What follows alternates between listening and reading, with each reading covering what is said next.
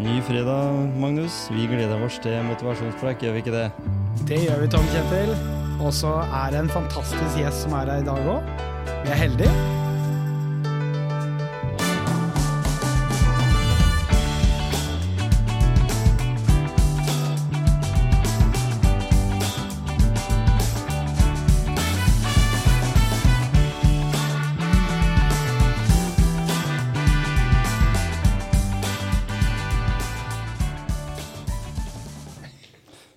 Er vi tilbake i studio på Myren, eh, Magnus.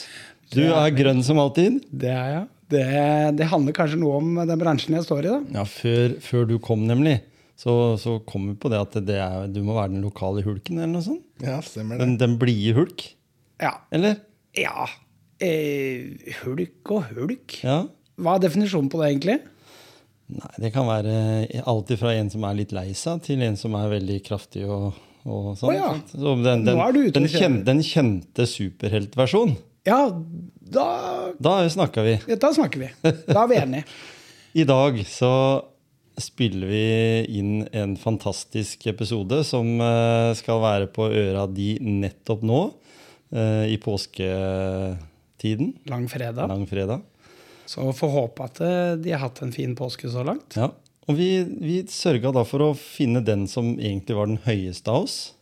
Helt riktig. Nemlig Jakob Verpe. Velkommen til Motivasjonspark. Takk, takk. Park, preik. Takk, takk. Ja, Kjekt å være her. Veldig hyggelig at en eh, gutt av dine dimensjoner, og da mener jeg positivt sett, eh, tar turen innom her i Motivasjonspreik. For vi tenkte det at i dag så må vi ha et sånt tema som slår litt i forhold til eh, det å være småbarnsforeldre, faktisk. Ja, Det er jo én ting.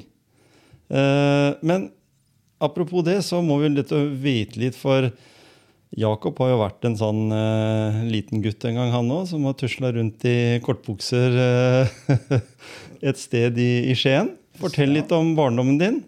jo, det startet jo i Oslo. Til og med? Eh, faktisk. Hey. Eh, Flytta fra Oslo i andre klasse til Skien. Ja. Eh, så der starta det hele for min del. Jeg vokste opp på studentby først på Kringsjå, så på Sogn. For foreldrene mine fikk barn da de var studenter. Mhm. Eh, så da fikk de både meg og min lillebror, og vi bodde på 40 kvadrat og hadde det veldig fint. ja. Wow. Så tok, Spennende. så tok de sprang og flytta tilbake til min fars hjemby, Skien. Eh, kjøpte et rekkehus, usett, til rekordpris, uten at noen av de hadde jobb her. Mhm. Oi. Det var Det var eh, tøft gjort. Det var modig. Det var modig på, på den tid, for du er født i 1992. Så, så akkurat sånn i starten av 90-åra hvis, vi- hvis vi ser noe på TV nå fra OL på Lillehammer, liksom, så ser det jo veldig gammelt ut. Ja, det gjør det. Ser du en Toyota Camry den gangen, så ser den ut som den er fra sånn etterkrigsåra. Ja. Litt sånn som vi ser fra Ukraina nå, liksom, at det er et land som har noe som fortsatt har i bruk det som var som ikke fins her lenger, nå blant Teslaer og Jaguarer og det som er. Stemmer det. Og da kom vi til Kleiva. Eh, så det var der jeg hadde mine formative år. Mm. Eh, hadde helt ypperlig. Eh, kort vei til alt. Kort vei til grøntområder. Kort vei til fotballbanen, som var veldig viktig for min del. Eh, kort vei til byen, ikke minst, når man ble litt eldre. Eh, så en helt perfekt plass å vokse opp, egentlig, sånn sett. Ja, for når du vokser opp på Kleiva, da er det jo ski der, da. Nei, storm. Ja, ja, ja. Å ja, du skulle provosere litt, du. ja. Jeg er jo skidagutt, da, så Ikke sant? Det var jo den, den kan vi ta etterpå. Ja. Men Men, jeg liker storma. da. men du har i de blå, blå draktene. Var det de blå draktene. Ja. Men eh, så, så, så var det et eller annet som bare sa klikk til eh, politikken, fordi du hadde jo Eller du har vel, om ikke noen rekorder, så i hvert fall så var du veldig ung når du begynte å være politisk aktiv. Det stemmer. Ehm, Jeg begynte vel eh, da jeg var 13 år, tror jeg. Mm. På eget initiativ, vel å merke. Eh, Så meldte jeg meg inn i Unge Høyre. Eh, Uten at foreldrene mine visste om det. Eh, Og det, det var naturligvis også litt pga. foreldrene mine, da, som alltid har diskutert politikk hjemme. Eh, og så begynte jeg å se litt inn på det, og så meldte meg inn i Unge Høyre. Eh, fordi det var det som var meg nærmest, eh, med individuell frihet. som var veldig viktig for meg på den tida.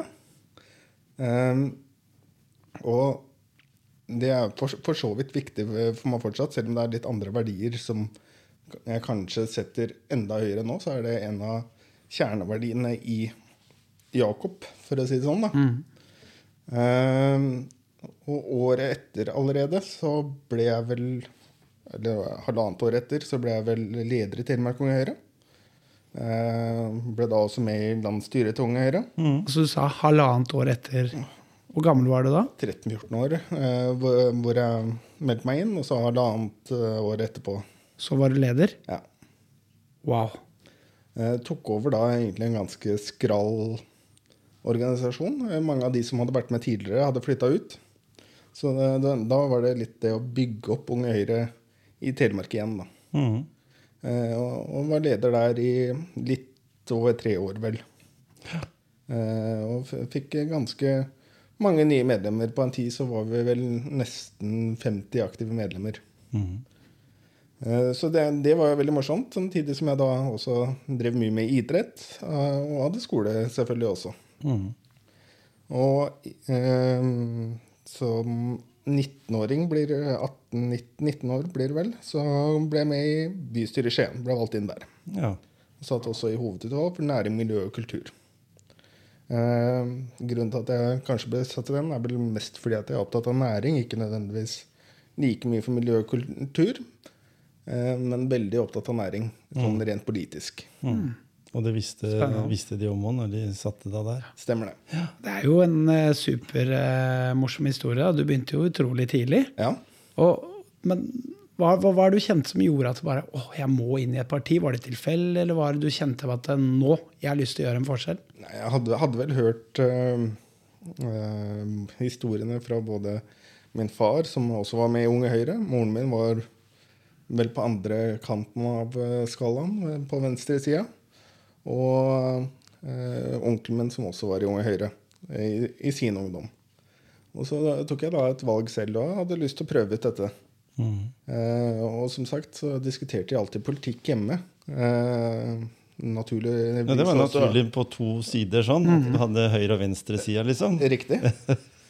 Eh, hvor eh, det skal sant sies, etter jeg ble politisk aktiv, så fikk min mor også en dreining mer over på høyresiden og stilte til valg for Venstre. Mm. Eh, hvor hun også meldte seg ut av Venstre eh, etter valget. Eh, fordi de ville samarbeide med de ikke-borgerlige, da. ikke si sånn. Venstresiden. Venstresiden. Mm. Spennende. Det er veldig spennende. Men så er det jo det, da. At eh, det gjøres valg. Hva, hva var det som var din motivasjon for sånn plutselig For motivasjon må vi jo snakke om siden vi er i motivasjonspreik. Eh, og plutselig hoppe av en sånn mulig politisk karriere som du kunne hatt da når du var kommet så langt på så kort tid, så ville, så kunne du plutselig ha sittet inn på Stortinget eller hatt en, eh, Ja. en ministerpost i den tida, for det var mange år som Høyre styrte i Norge, før Arbeiderpartiet nå. Det stemmer, det. Og så plutselig så trakk du ut proppen politisk, og så begynte du å jobbe. Ja, ja. Jeg sier ikke det at eh, Unnskyld alle politikere eller andre sånne, for det er sikkert en heftig jobb. Ja da, nei, det, det, det er jo eh, to faktorer hovedsakelig i det hele. ene er at jeg begynte å studere. Eh, begynte å studere i Bergen. Jeg satt fortsatt i kommunestyret, pendla fram og tilbake. Eh, så det var gjerne to turer månedlig. Eh, veldig greit at Geiteryggen fantes da, og at eh, det var kort vei. Um, og så var da spørsmålet skal jeg fortsette i Bergen. Det kunne jeg gjort, med studentsamfunnet, alt sammen. Og så komme tilbake eventuelt, og så stille til valg eh, for å gå for en stortingsplass eller lignende. Mm. Um, men for meg så var ikke det riktig på den tiden. Det skal sies at jeg studerte retorikk, eh, som også selvfølgelig har påvirket at jeg var politisk interessert. Eh, men for meg så var, skjedde et skifte. Jeg syns det gikk for treigt å ta beslutninger politisk. Eh, jeg syns ting var veldig ineffektivt, eh, og ville prøve noe annet. Og da ble det private næringsliv. Så etter studiet så startet jeg opp for meg selv, og jeg leide meg selv ut til en bedrift i Stavanger i halvannet år. Men nå hopper du over en vesentlig ting. Ja, Du var jo i USA òg. Ja, det var jeg. Ja, Men det, må du ikke glemme. Nei, men det, det er riktig nok på videregående. Så Ja. hadde jeg utveksling i USA og spilte amerikansk fotball og Mm. den biten der. Eh, som var ve veldig spennende. Det å få reise ut som 16-åring alene uten foreldre. Riktignok til en vertsfamilie, så det var jo det trygge forhold. Mm. Eh, men eh, det er noe som gjør at du blir en erfaring rikere. Og Mm. Du skal ikke se bort fra at jeg drar til USA en gang til på nytt. Nei. For politisk, da. Jeg bare Ja. eh, gjorde det noe med det? Å være i USA? Fikk du noen andre og nye perspektiver? Ja, det stemmer. Eh, Jeg har jo som sagt vært eh, ute på høyrekanten hele veien, mens der borte så var jeg kanskje mer på venstresiden av politikken. Eh, Riktignok, eh, eller mer sentrum, egentlig. Jeg definerte meg vel som mer republikansk en demokrat eh, på den tiden. Så kan man jo se hva som har skjedd med det republikanske partiet i ettertid. Eh, Men uh, riktignok så så jeg jo veldig mye, for jeg bodde i, på landsbygda i USA, det ekte USA som republikanerne kaller det. Mm. mye fattigdom. Eh, folk som ikke hadde råd til å sende eh, barna sine på sånne fellesmiddager med eh, amerikansk fotballaget f.eks. Alle skulle spytte inn to dollar hver. Eh, så da ble det jo selvfølgelig til at eh, jeg med de lommepengene jeg selvfølgelig fikk av min mor og far hjemmefra, la inn litt ekstra, sånn at alle skulle kunne være med. Mm. Og da, da, da ser du forskjellen mellom høyresiden i USA og høyresiden i Norge. Eh, vi ligger nok ganske langt til venstre i USA, egentlig. Mm. med tanke på samhold og solidaritet, mens der er veldig fokus på individualisme.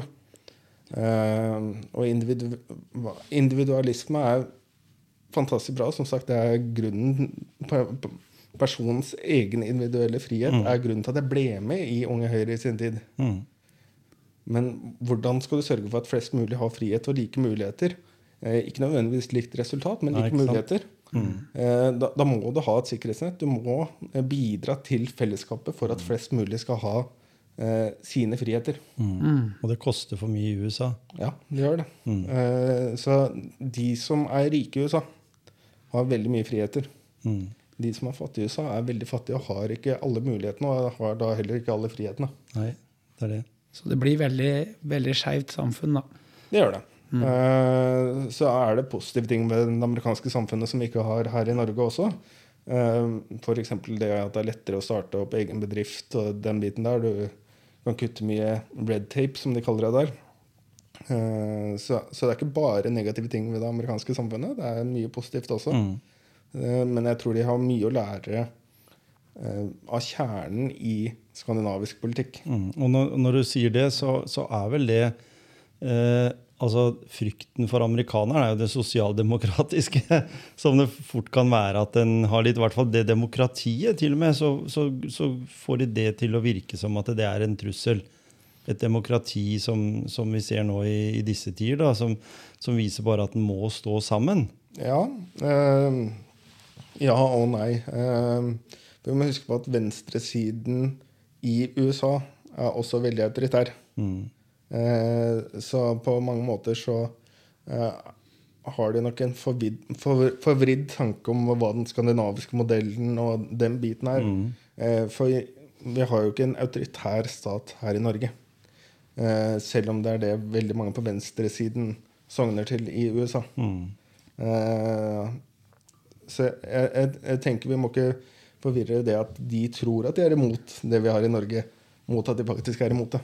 Eh, vi kan heller ikke forvente at en stat med eh, tre, over 330 millioner mennesker skal eh, følge med på eh, en stat med ja, Uansett hvilken av de skandinaviske statene det er, så kan du si under 10 millioner. Som en by der borte. Ja. Stor forskjell. Det er veldig stor forskjell. Og, og når vi går inn da i dette med at du da finner ut at nei, politikken det tar for mye tid.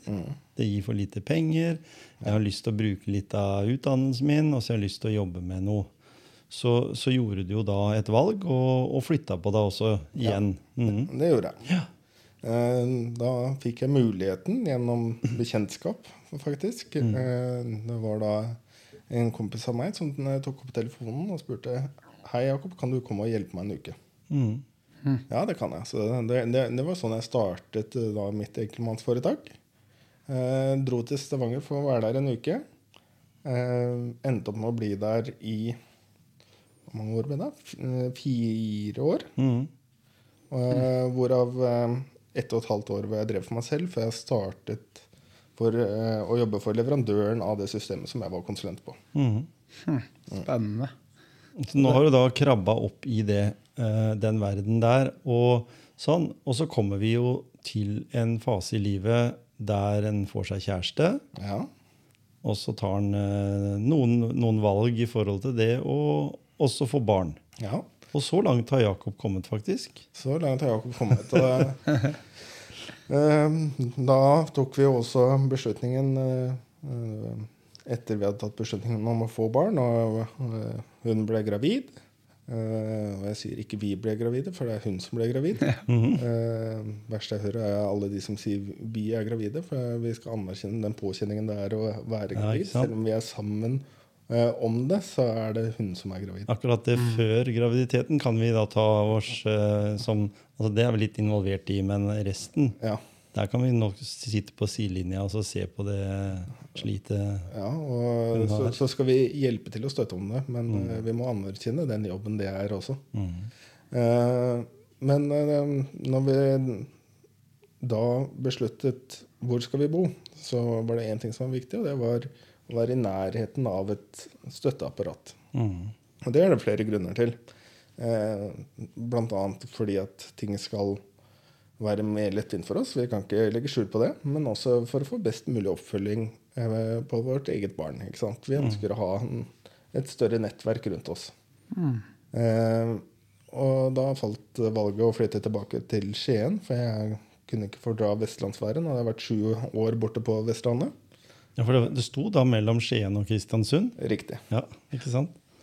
Eh, og, så valget for min del var nok eh, lettere enn for hennes del. Eh, samtidig så skulle nok jeg helst vært i Oslo, men eh, noen prioriteringer blir endret på når man får barn. Mm. Eh, og da flyttet vi hit. Jeg begynte å jobbe da enda mer remote eh, enn det jeg hadde gjort tidligere. Mm. På tross av at jeg har jobba mye remote i, under koronaperioden, da, for å si det sånn. Eh, så ble jo det en litt annen situasjon å ikke kunne gå på kontoret. Mm. Det ble plutselig veldig langt til kontoret på Sandnes. Eh, det er også langt til kontoret på Lysaker. Eh, så da ble beslutningen at vi faktisk Eller at jeg leide meg kontor hos deg, Tom Kjetil, Ja. eh, på Grønt kontor. Så bra. Og det har vært veldig bra. Du har liksom vært med, og, du har vært med lengst, faktisk. faktisk. Ja. Men, men det som da gjør at du flytter hjem til Skien, den motivasjonen du, du kanskje treffer eh, dine gode venner igjen, eller så er det jo mange også som flytter ut. fordi det er ikke alle de som kommer hjem så raskt som du gjorde. Selv om du har vært mange år vekk, så er det noen som aldri kommer tilbake. Det er riktig. Og planen min var vel heller, hvis vi skal være helt ærlige, å ikke komme tilbake også. Mm. Eh, og så fikk jeg barn, og så endret det seg. Ja. Eh, og det er en ganske rar opplevelse i seg selv. Eh, motivasjonen min var jo alltid å være der, der hvor ting skjer. Eh, der hvor det er størst muligheter for ut, personlig utvikling. Mm. Det blir lagt litt eh, på hylla når du får barn. ja. Eh, da er det, er det ikke selve som er det viktigste lenger. Da, eh, I hvert fall ikke hvis du har tatt valget på forhånd. Eh, da er det faktisk barnet som er det viktigste, og hva, hvilke muligheter du kan gi for det barnet. Mm. Og, og det, det er jo egentlig veldig bra sagt, for eh, du også, Magnus. Du har jo som jeg, vi har jo barn alle, alle sammen her. Eh, og du, du var faktisk, for å, for å si det, du var på skøytestevne i helga, du. Jeg var det? Ja.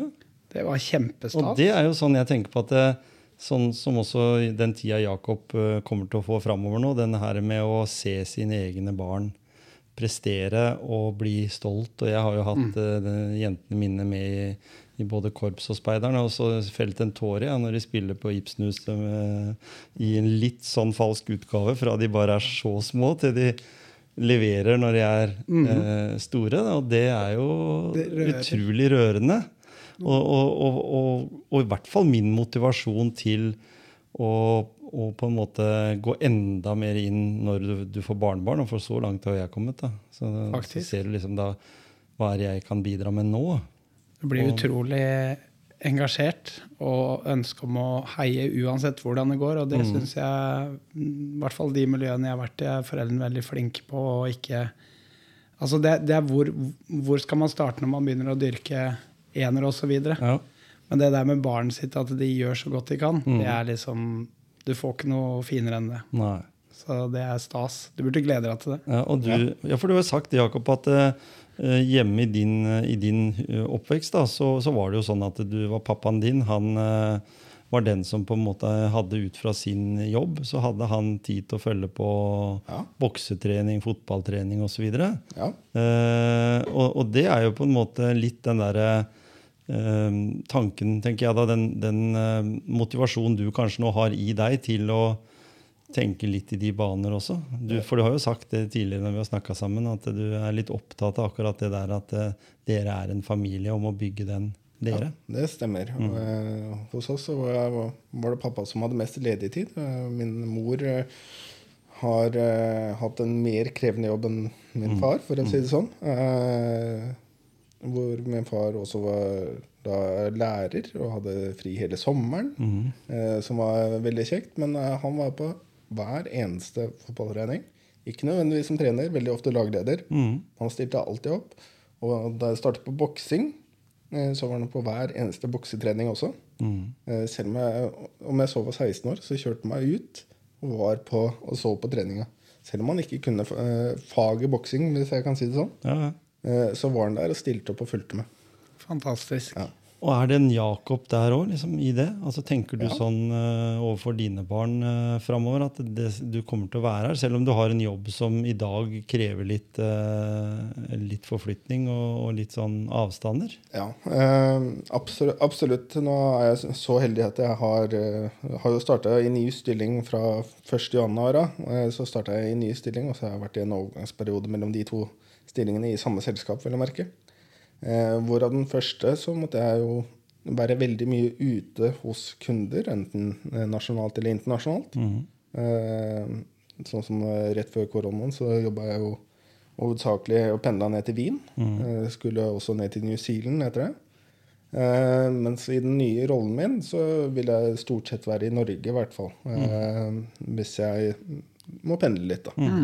Og litt av grunnen for at jeg har valgt å gå over i den rollen, er selvfølgelig fordi jeg fikk muligheten, men også fordi jeg ønsket å være mer til stede for barnet mitt. Mm. Jeg ser jo bare på høsten eh, Vi fikk jo barn i sommer. På høsten så eh, reiste jeg veldig mye i jobben, selv om det var i Norge. Så fram og tilbake til Stavanger, eh, hvor jeg da hadde flytta fra. Men jeg var ute hos kunde der nesten annenhver uke. Og jeg gikk jo da glipp av veldig mye på hjemmebane. Eh, mye ansvar falt også over på min samboer. Mm. Eh, og jeg ser at det er noe jeg ikke ønsker eh, å ha på lang sikt, eller kort sikt. Jeg, jeg ønsker at barnet mitt skal ha faren sin til stede. Jeg ønsker at det skal være en trygg og god oppvekst med god oppfølging. Eh, og det er helt essensielt for, for meg når jeg har tatt det valget det er å bli far. Eh, det er riktignok ikke alle som velger det, det er noen som har uhell også, men eh, hos oss så var det et valg. Og da, da må jeg også ta alt det innebærer. Da må man legge selv litt på siden. Eh, og så må man faktisk gjøre, gjennomføre det man har starta på. Mm. Uh, og det vi har starta på nå, er jo livslangt. Mm. Virkelig. Nemlig. Og nå er det ikke lenge før du har permisjon og greier. Det stemmer. Nå er det fire arbeidsdager igjen. Og så har du permisjon i hvor lang tid? Fire måneder. Det er jo helt Det er Hadde du så mye? Nei. Nei? Det er helt Det var ikke det var jo, det, er jo, det er jo litt det der som på en måte trigga Eller trigger meg, da, i forhold til den gangen jeg fikk barna. Det var, altså da, det var jo på samme tida som når Jakob ble født. Eh, da var det ikke helt vanlig med permisjon for mannfolka. Og det begynte å bli sånn tvangspermisjon. Så mange måtte liksom ta permisjon, og hvis ikke du tok permisjon, så fikk heller ingen andre permisjon. Så det var et skikkelig urettferdig system, syns jeg. da, Fordi jeg jobba et sted som vi var to, og du kjenner jo til dette her, du, Magnus, dette med butikk. Ikke sant? Vi var to stykker. Det var innehaveren og meg som jobbet der. Og hvis jeg skulle da gå ut i permisjon, så ville han måtte være aleine. Mm. Selv om kona var veldig aktiv, så, så var det liksom Mista en salgs... En som omsatte for 2,5 millioner, liksom, uh, aleine. Så det, det var klart at jeg kunne ikke bli borte. Nei, det ville jo vært utfordrende i dag òg. Da måtte du ansatt noen på kortere og lengre tid. så Sånn er, sånn er jo problemet, egentlig. Men jeg fikk en veldig fin ordning der, da. med At jeg jobba halve dager og sånn. Eh, eh, jobbet til tolv, og jeg kunne begynne tolv og jobbe til, til fem. Men, eh, men allikevel så, så tenker jeg at det, den papparollen, da, det å være eh, forelder, det er jo på en måte et ansvar som dere har tatt, og som du nå gjør visse valg. Og jeg, jeg synes jo det var veldig For jeg vet jo at du er en person opptatt av karriere. Så når vi snakka sammen her eh, i forrige uke også, så, så, så, så var det litt med det der at jeg, jeg følte liksom at nå eh, frigjør Jakob seg litt fra en veldig ansvarsfull jobb. og ja, Si forresten navnet på firmaet du jobber i, for litt reklame må du komme med. Ja, det heter Infor. Eh, Infor. Ja. Og Det er ikke sånn kjent for vanlig menigmann i gata, men i den bransjen dere jobber i, så er dere veldig store. Det er vi. Vi er verdens tredje største. Mm. Kun SAP og Oracle som er større på verdensbasis. Eh, nitt- Mange er det som jobber der? Ja. 19 000 ansatte. Ikke sant? 19 000, ja. Du kjenner alle, eller?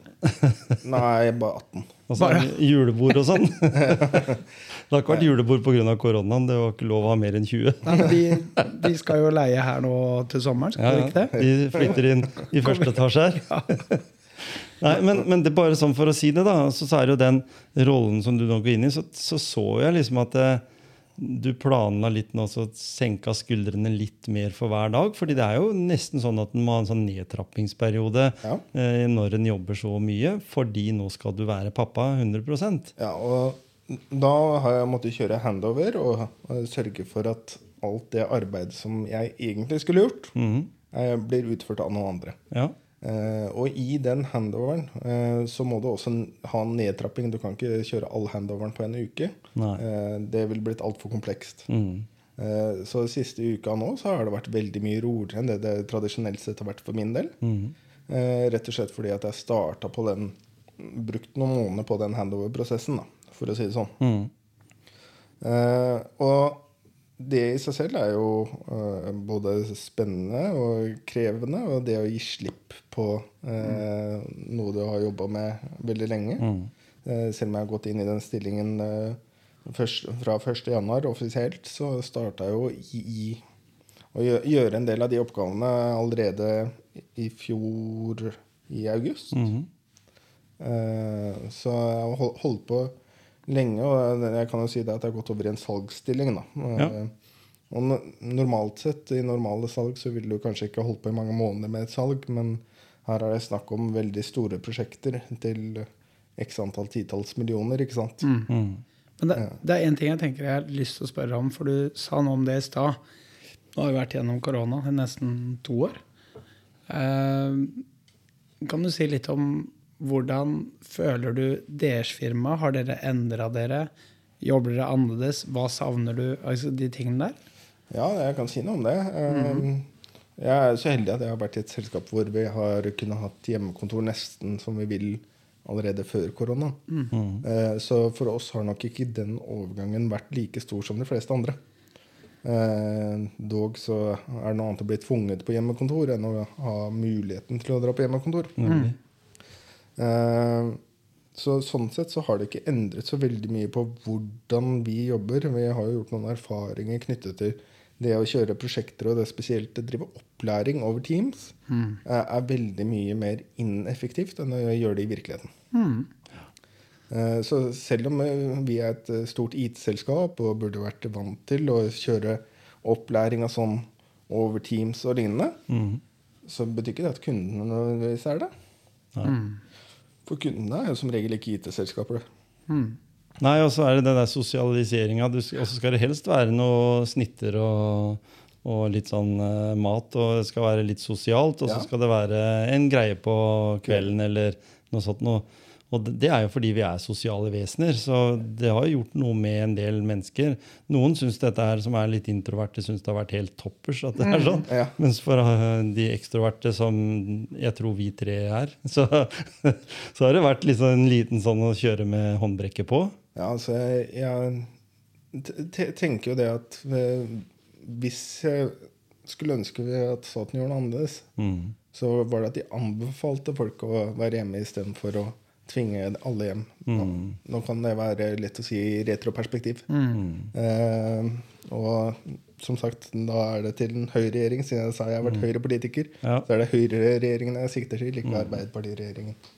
Og, og det er litt interessant, fordi du valgte jo da å komme til Grønt kontor, Ja. som var et kontorfellesskap, først på Klosterøya og nå på Myren, med høyt under taket og egen dør du kan lokke og sånn. Så det var jo på en måte hjemmekontoret, men bare i en, en setting der du kunne dele kaffetrakter med noen, og der du kunne treffe andre og slå av en prat når du hadde tid. Stemmer det. Uh, og, og det er jo klart at det kunne vært oppfordra mye mer til enn å slanke en del bedrifter nå, fordi de kvitter seg med lokaler. de kvitter seg med det Fordi de ser at det, rent økonomisk så hadde det vært en fordel å ha folk på hjemmekontor.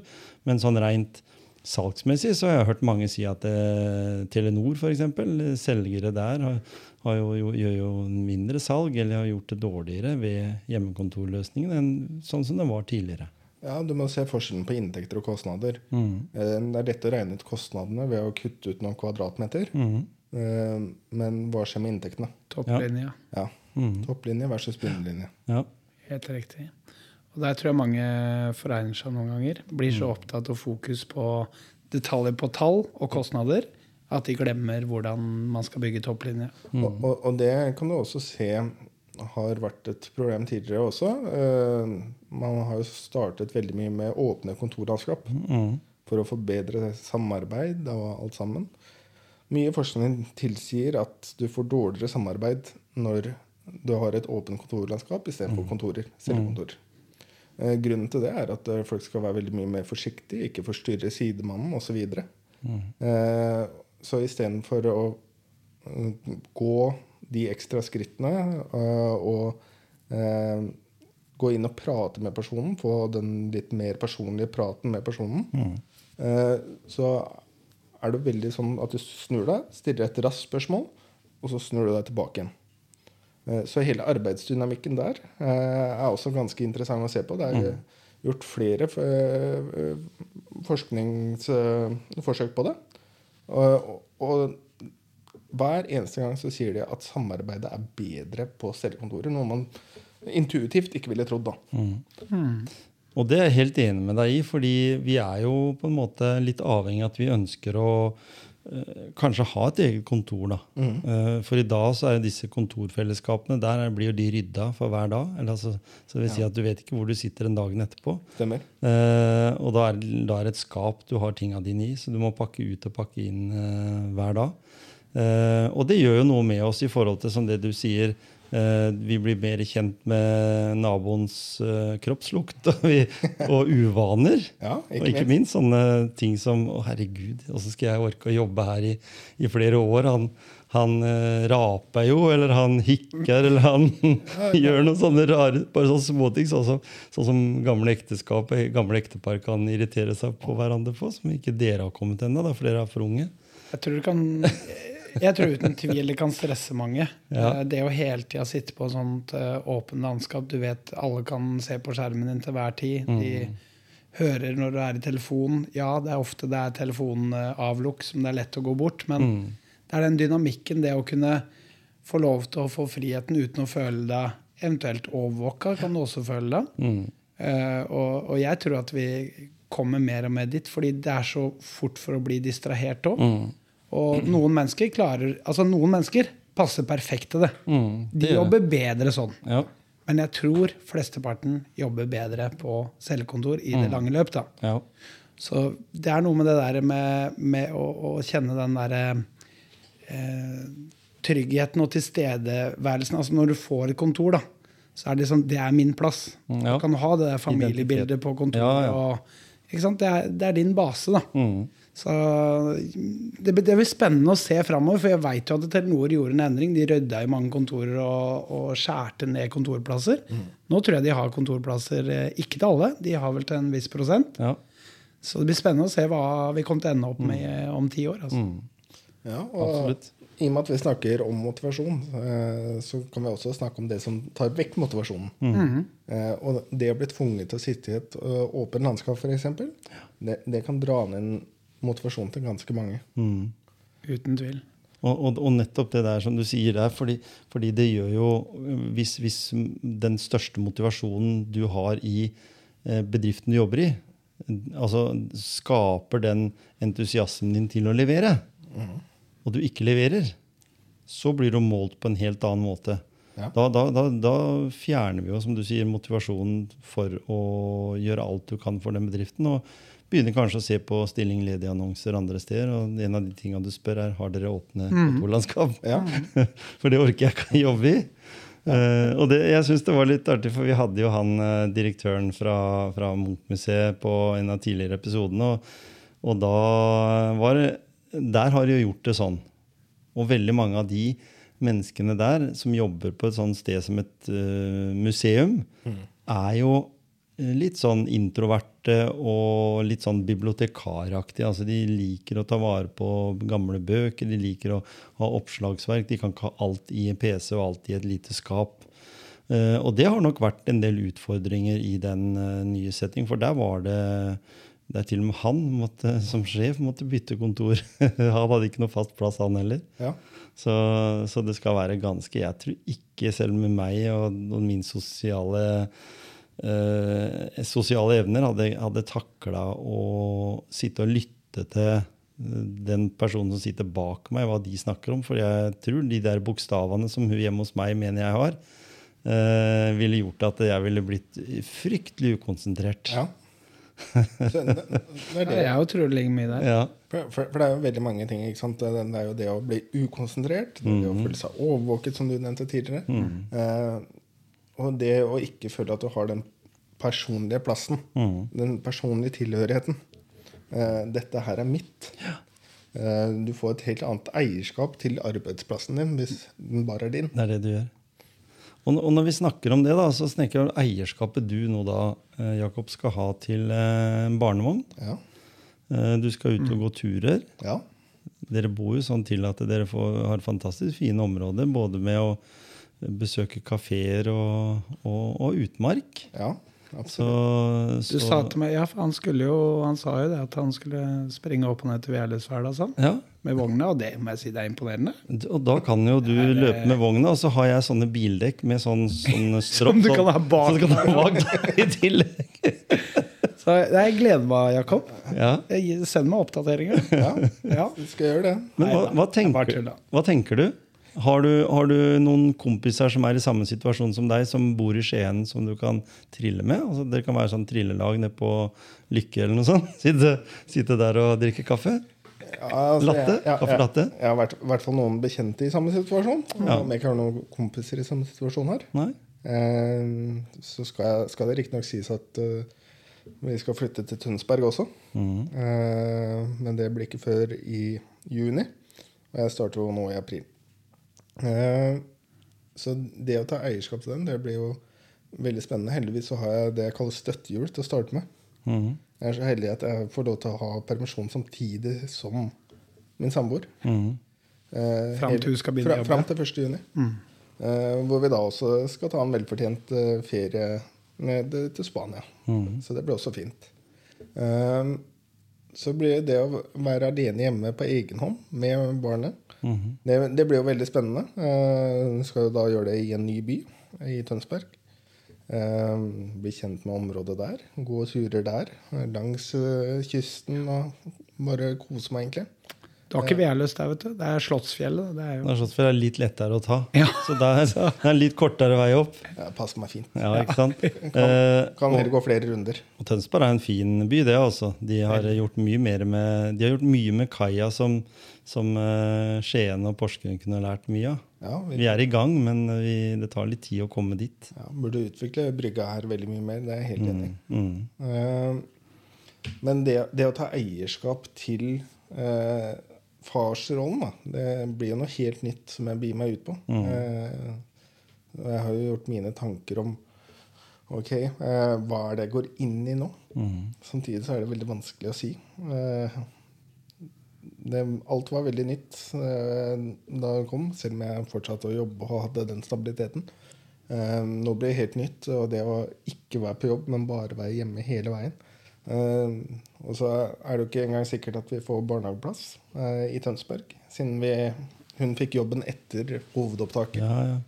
Så da kan det hende at jeg må gå enda lenger hjemme. Heldigvis så har jeg sju uker ferie i år, eh, siden jeg nesten ikke tok ferie i fjor. Men så kan jeg anbefale det at det, det er mye bra på Netflix. Da, da. Hvis det er sånn at ikke du greier å finne på noe enkelte dager, så er det mye bra på Netflix. nei, nei, nei, nei, nei. Det er det som er, det som er viktig med å være far da. og mor. Og så tenker man at man har lyst til at barna skal være sånn og sånn. Vet du hva det første du skal gjøre da? Vær sånn sjøl. Mm. De ser og fanger opp det meste av hvordan vi er. Altså Det er det forbildet, og hvordan mamma og pappa kommuniserer, og hvordan vi kommuniserer med de. De får med seg alt. Ja. Så være bevisst på hvordan man snakker sammen som voksne òg. Og når barn er til stede, superviktig. Mm.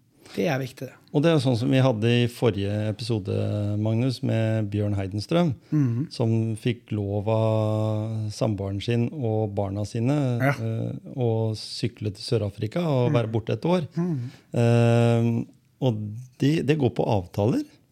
Altså det, det er sikkert eh, sånn som dere tenker òg. For du, du, du, du, dere, du og dere har planlagt veldig mye om hvordan ting skal være, sånn at dere får det til.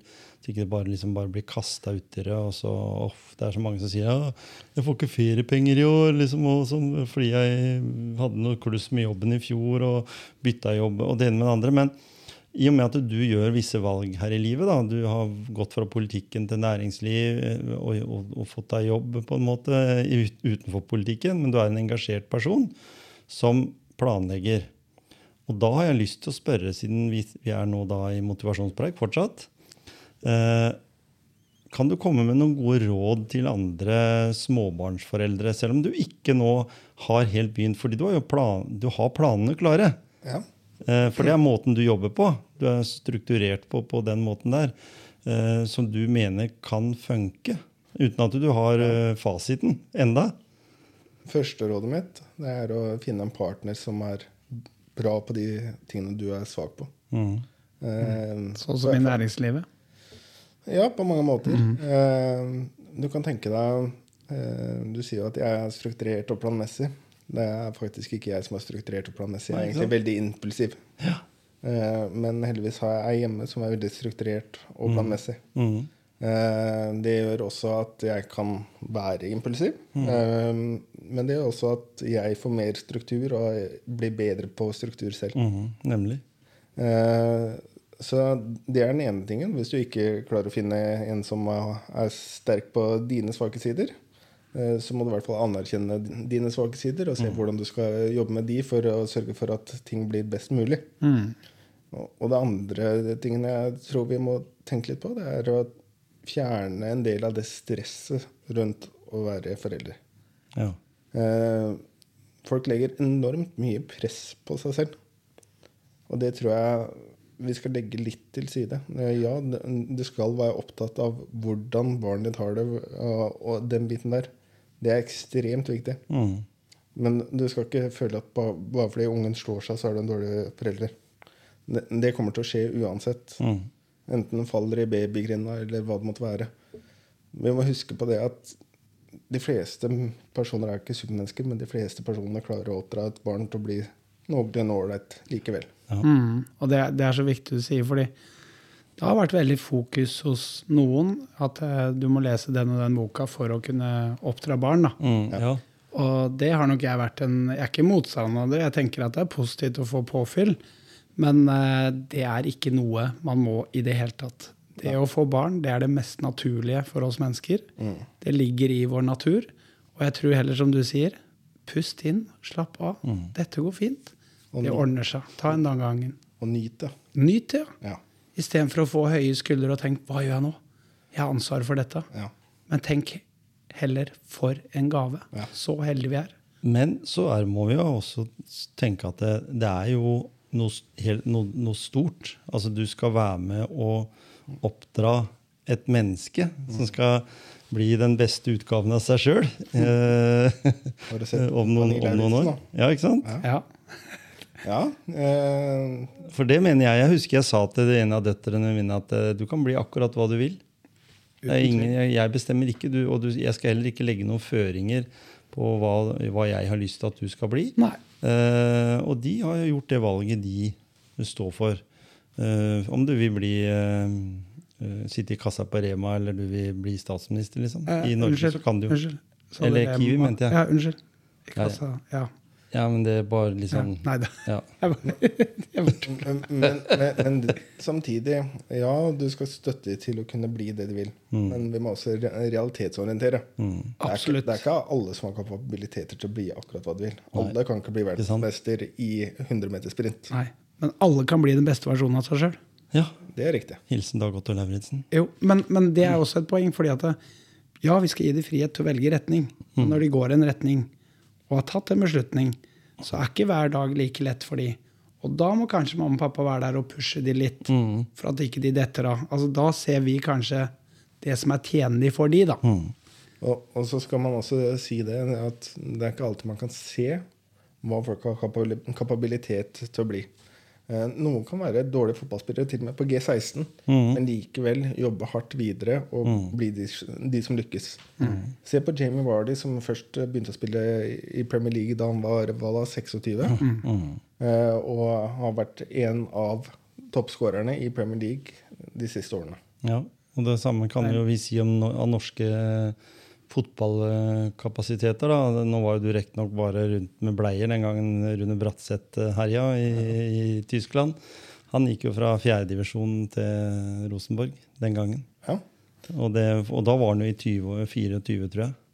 Ja, så, så, så det er ikke alltid lett å se hvilke eh, kapabiliteter folk har. Eh, men man kan eh, spille på det de er sterke på. Det, det er ofte morsommere å drive med også. Mm. så, så noe burde ligge der. Noen ser du at aldri vil bli verdens beste fotballspiller. Mm. de kan kanskje bli gode fotballspillere. Det er vanskelig å si, men du kan si at, med sikkerhet at de ikke blir verdens beste fotballspillere. Eh, Ja, og, og leve av det. ja, kan ikke bli en. Ronaldo, liksom. Eh, alle kan ikke bli det. Men, men, men i forhold til det å realisere sine drømmer, da. Jeg er litt opptatt av det. Ja. Eh, og realisere i hvert fall noen av eh, sine drømmer. Så kan jo vi som foreldre være med på, på å påvirke litt. da. Vi kan inspirere. Tar vi med barna våre mye ut på tur, så er det stor sannsynlighet for at de kommer til å videreføre det med å reise mye på tur. Eller Eller- går det langt opp i halsen? Ja, hvis det blir, Hvis det sånn, blir sånn, hvis det blir push, ekstremt mye. Ja. Ja. Jeg, har, en kone, jeg har en kone jeg som fortsatt ikke går på ski fordi hun hadde en sånn pappa som sa bare, det er bare over den toppen her nå, så er vi framme. Så vær realistisk. Legge opp turen etter barna. Ja. Det er også et veldig flott ting. Og da skal jeg si deg én ting, og det er at eh, ja, du flytter fra Skien og Grenland til Tønsberg, og Tønsberg og området rundt der langs kysten er veldig fint. Men eh, vi har også noe som er veldig spesielt her i Grenland. Da. Vi har jo fritidsparken vår. Eh, og det er mange som har sånne type områder. Der kan barn og ungdom få utfolde seg til akkurat hva de har lyst til å gjøre, uten at du skal presse de til å drive multraløp når de er tolv. Det er jo det som jeg mener, i hvert fall. Viktig at du inspirerer de til å synes det er gøy å drive med speiding, synes det er gøy å være med i korps. Eh, Jeg som foreldre skal ikke gå rundt og fortelle at nei, du får ikke være med i korps fordi jeg liker ikke å jobbe dugnad. Vi har jo på en måte en foreldregenerasjon før oss som var veldig vant til det med dugnad. I dag så er det jo bedre at vi prøver å kjøpe oss ut av de dugnadene. Men jeg husker sjøl jeg sa at eh, vi trenger ikke de pengene, men vi trenger de henda. De armene, de folka. Det er det vesentlige med dugnad. Og det er jo det som er en god tradisjon i Norge, som, som vi på en måte tror jeg må, vi må holde i hevd. da. Sånn at barna våre også skal få lov til å utfolde seg og bli med på det de har mest lyst til å drive, om det er ridning eller, eller om det er eh, Skøyter. skøyter. Ja. Eller, Eh, eller hva tenker du? At du har lyst til at eh, Nei, altså, jeg tenker jo at vi skal stimulere til at barna er lykkelige uansett hvilken vei det går. Enten de velger å satse på eh, akademisk, eller om det er eh, på eh, Praktisk. aktivitet. Eh, så for min del så er det like viktig å stimulere til at matte og norsk er gøy, eh, som at idrett er gøy.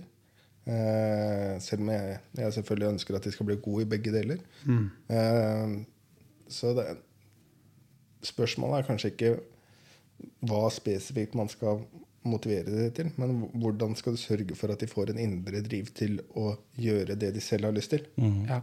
Og, og, det, og det må være den beste versjonen av seg sjøl. Det er liksom en, en, eh, en nøkkel som ligger der. Og at, eh, som vi sier noe om her, at de er den beste versjonen av seg sjøl, og at foreldrene vet at de har gjort så godt de kan. mm, Det er superbra.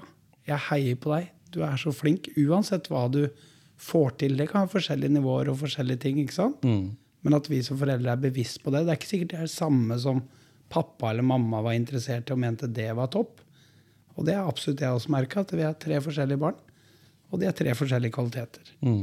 Og da må vi, når det er topp for det ene barnet, så er det kanskje ikke for det andre, men det er like stort begge deler. Mm. Og, og når jeg sier det at eh, vi er med på å inspirere barna våre til å bli det de kunne tenke seg, så er det faktisk sånn også at det, det dukker opp vel så mange elementer som du aner. Hvor fader er det de har det fra? Det er jo så, en sånn fantastisk verdi. Kan jo umulig være meg som har påvirka akkurat det. Og det er jo det som er spennende, og som du skal inn i nå, Jakob, med, med å, å på en måte være pappa. og og se hvordan uh, dette her eh, utvikler seg. Hvor, hvordan ditt barn uh, er i forhold til andre. For det er jo verdens flotteste barn en har sjøl. Ja, man tenker, tenker det Så Ikke sant? Det er helt Men riktig, det. Uh, men samtidig, det, dere snakker mye om å være den beste versjonen av seg selv. Mm. Vi pleier normalt ikke til å prate så mye om det Nei. i motivasjonspreik. altså. Nei da, men eh, den beste versjonen av seg selv, eh, hvorfor ikke den nest beste? Hvis det er det som gjør deg lykkelig. Mm. Ja, Og, og hvem definerer hva er den beste versjonen av deg selv? det er seg selv som definerer det. Mm. Og om det er nest best, så er du den beste versjonen av deg sjøl. Mm. Det er det nivået du velger å legge deg på. Mm. Fordi jeg, jeg har tenkt med meg- selv mange ganger Ja, jeg kunne bare gjort litt mer innsats der, så hadde det gått så mye bedre. Jo, jo, Jo, jo, ja, litt enig. mer innsats her, mm. hvis du ser på ting i retroperspektiv. Mm. Men da var du den beste versjonen av deg sjøl, selv om du sier i ettertid Ikke nødvendigvis. at du skulle vært der eller der. Hvor- hvor- Hvordan kan du da være noe annet enn den beste versjonen av deg selv? Nei, det er et godt spørsmål, det. Mm. Det er et Hva, hva, hva betyr det å være den beste versjonen av deg selv? Jeg mener at da har man i nuet gjort så godt man kan, og etter sin evne. Og som du sier, hvis ikke motivasjonen var fullt ut, så var du der. Da var du på en måte den beste versjonen av deg sjøl. Hva er den verste, da? Nei, det er et godt spørsmål. Det verste er å ikke gjøre noe. Ja. Og det, og det er jo spennende, for eh, nå når eh, eh, Kompani Lauritzen skal over på nett-TV, så skal de vel sikkert eh, gjøre litt om. da, Så da må de liksom si nå skal du være den verste versjonen av deg sjøl. Ja, Men det har vært litt kult, det òg. det hadde det. Kanskje vi skal Skal det. være den verste versjonen av meg sjøl. Hva ville det Nei, vært? du vet hva, det tror jeg ikke vi skal dra fram. Nei. Nei, jeg tror ikke det Det blir bra. Det motiverte oss ikke. Jeg, jeg tror det kan bli dårlig. Men du, vet du hva? Nå nærmer vi oss slutten. Det gjør vi. Og så er det påske. Det er langfredag. Mhm. Og hva skal du gjøre i påske, Jakob? I påsken skal jeg prøve å ta det mest mulig med ro. Eh, være tid med familien min. Altså ikke bare da eh, min samboer og mitt barn, men resten av familien også, som mm. ikke nødvendigvis får sett så mye i hverdagen. Mm. Eh, og det er egentlig eneste planen jeg har. Ja. Og det håper jeg alle gjør, egentlig. De Du, som hører Magnus, på oss nå. Hva skal Jeg, du, Magnus? jeg skal På selvfølgelig hytta? på hytta en tur. Mhm. Og der også er det fokus på familietid og påskeeggjakt. Det må du starte med barnet ditt allerede nå. Ja. Det er veldig stas. Påskeharen. Så ja, jeg har ennå ikke funnet den. Men hun er veldig flink til å gjemme de egga. Da. Mhm. Så jeg skjønner ikke. Jeg tror på den der hardpussen harpusen ennå. Ja. Gjør du? ja eller, eller hybelkaniner også, som Ja. man kaller kalle det. Gule, gule hybelkaniner. Det viktigste er at man eh, senker skuldrene mm. Og nyter påske. Og ja, det er nok av hverdager, så man kan slappe av med god samvittighet. Det er det det er. Og det er jo faktisk sånn at det er jo den høytiden i Norge eh, ever som vi har mest fri. Det er faktisk Sånn utgangspunktet, Selv om verden åpner seg mer og mer, og butikker holder oppe, så er det faktisk eh, som jeg husker faktisk første juledag og påska som bensinstasjonen i gamle dager var stengt. mm. Helt krise da. Da så Ja, det, jo- Selv om hun har mye strømbil og sånn, så Ja. var det veldig grise. Den Men i, i hvert fall så må vi ønske alle sammen en uh, supergod påske, da. Det må vi. Og takk for at du uh, tok turen innom uh, her hos oss, eh, Jakob. Og takk for at jeg fikk komme. Lykke til med pappaperm. Jo, takk, takk. Det blir Og er det noen som har lyst til å komme med noen gode tips i, i forhold til pappaperm og sånn, så legger vi dette her ut på sosiale medier. Så det er bare å dele denne storyen som kommer ut da på langfredag, eh, og komme med noen tips. Som til og med kanskje Jakob og, og vi andre gutta her kan eh, ta med oss inn i, inn i Vi skal jo ikke ha pappaperm, vi da. Jeg håper ikke. Jeg er i hvert fall ikke der. Ikke heller. Men jeg kan være bestepappaperm. Og be best, beste pappaen.